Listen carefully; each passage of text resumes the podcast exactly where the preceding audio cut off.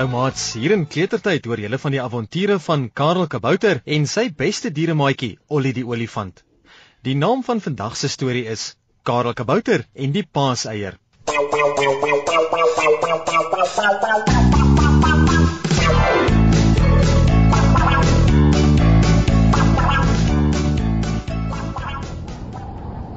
Dit is 'n winderige dag in die groot bos.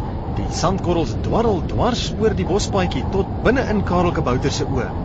Karel gaan staan stil, laat sak sy kop en vryf sy oë met sy hande. "Sjoe, die wind waai erg vandag. Sê hy en knip knip sy oë. Miskien moes ek eers gewag het dat die wind bedaar voordat ek besluit het om vir Ollie te gaan kuier. Karel kyk om hom rond en sien 'n groot bos langs die pad.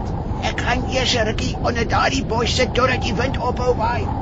Sê Karel en beer teen die wind uit totdat hy by die bos kom.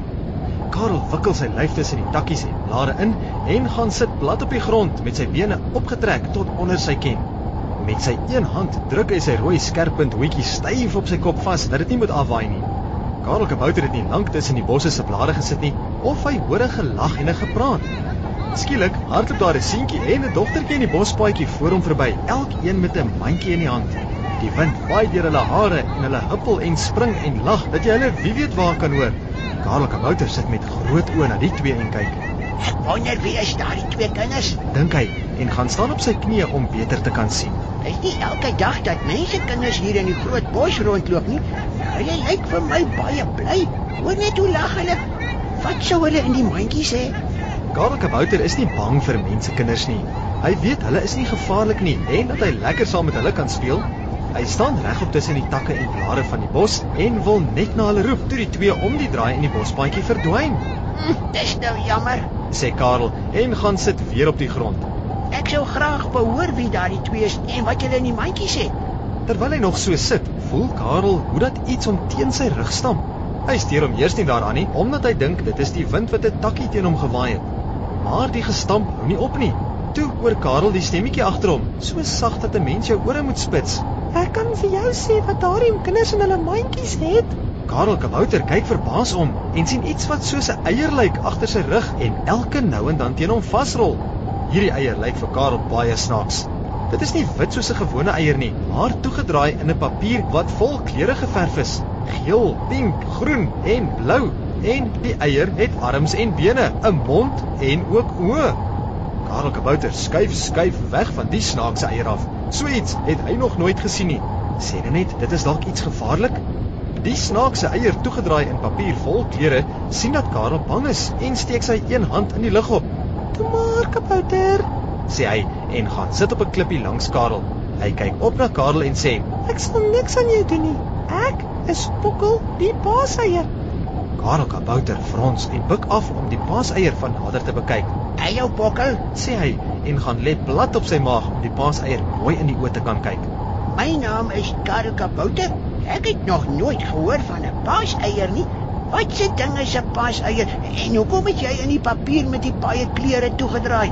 Okkel die paaseier sug diep en lyk baie ongelukkig. Uh, Karel, wees bly dat jy nie 'n paaseier is nie. sê hy en skud sy kop heen en weer. Paaseiers het dit nie maklik nie. Ons is nie gewone eiers nie, maar sjokolade. Ons word in fabrieke gemaak en dan draai die mense ons in hierdie papiere met die baie kleure toe om ons te verkoop. Ek moes ook verkoop word, maar die twee kinders wat jy nou net gesien het, het so gehuppel en gespring dat ek uit die mandjie geval en hier onder die bos ingerol het. Ons paaseiers is net goed genoeg vir een ding en dit is om geëet te word. Die trane rol uit Bokkel se oë teen sy ronde lyf af en plons op die sand voor Karel neer. Karel Kabouter kry die paaseier sommer baie jammer. Hy tel vir Bokkel in sy hand op en gaan sit regop onder die bosse takke en blare. "Ek verstaan nog nie, Pokkel. Sê Karel en hy frons weer. Hoekom maak die fabrieke sulke sjokoladepaaseiers soos jy? En hoekom word julle in die papier vol kleure toegedraai?" Bokkel die paaseier vee met sy vuiste die trane uit sy oë. Ek het gehoor die kinders se ouers sê vir hulle dat paaseiers iets vertel van lewe. sê hy en stof die sand wat die wind op hom gewaai het van hom af. Uit 'n regte eier word daar mos 'n kuiken gebore. Die sjokolade eiers sê seker dat die lewe lekker smaak en die mooi papier is daar sodat mense ons wil koop. Bokkel sug weer hard. Uh, Die moeilikheid met paaseiers is dat ons nie familie of vriende het nie, Karel. En wat help dit ek lewe as ek elke oomblik moet oppas om opgeëet te word? Dis nie 'n lekker lewe nie. Pokkel die paaseier rol hom in 'n klein hoopie op Karel se hand op en sy lyfie ruk van die snikke. Karel Kabouter kom agter dat die wind nie meer so sterk waai nie. Hy staan op en loop onder die bos uit met Pokkel die paaseier in sy hand. Kom maar, Pokkel. Hou op, hy. Dit lyk vir my asof die wind gaan lê.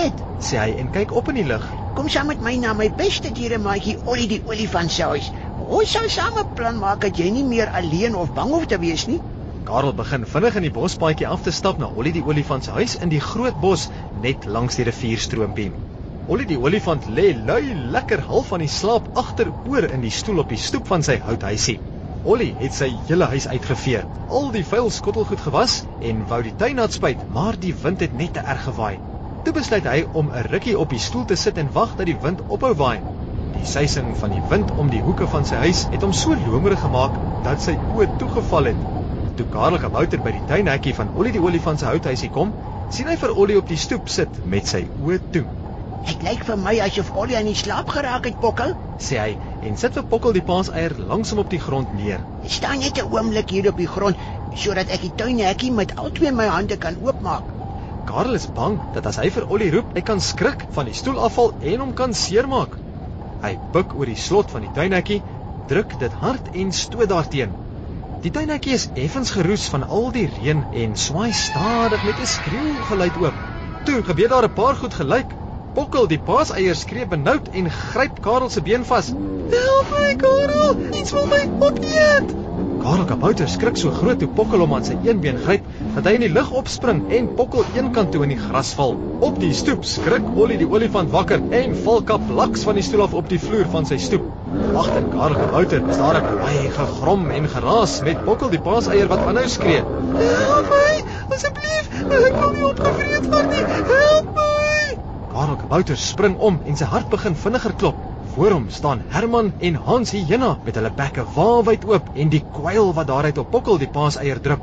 Hulle skree hard, hulle hyena laggies soos hulle altyd maak as hulle iets gevang het om te eet. Karel is baie bang vir die hyenas omdat hulle altyd ander se kos steel en seermaak. Herman Hyena lek lek met sy groot rooi tong oor Pokkel die paaseier se papier met die baie kleure en Hannes Hyena snyf snyf aan Pokkel van kop tot tone. Bly stil, paaseier. Knor Herman Hyena en stamp vir Pokkel met sy neus dat hy 'n end vorentoe rol. Ek en my broer Hans het nog nie vandag geëet nie. Met jou in my maag sal ek daarom kan uithou tot ons vir ons iets gevang het. Ek kan nie wag om die sjokolade te proe nie. Hans Hyena kyk kwyn na sy broer Herman, stoot hom eenkant toe en sê: Wag so 'n bietjie, Herman. Dis nie jou pas eier alleen. Ek wil die helfte hê. Hans Hyena gryp vir Pokkel paaseier aan die een end van die papier waarmee hy toegedraai is in sy bek. Hy tel hom op, knor en staan kwyn na sy broer Herman en kyk. Herman die Hyena kom met kwaai rooi oë nader gestap na sy broer Hans met Pokkel paaseier in sy bek. Dink jy ek is miskien vir jou bang, Hans? Gee hier die paaseier.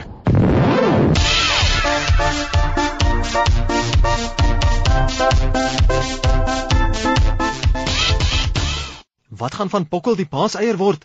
Sal Karel en Ollie hom kan red uit die kloue van die twee hyenas? Kom luister volgende keer verder na Karel Kabouter en die paaseier.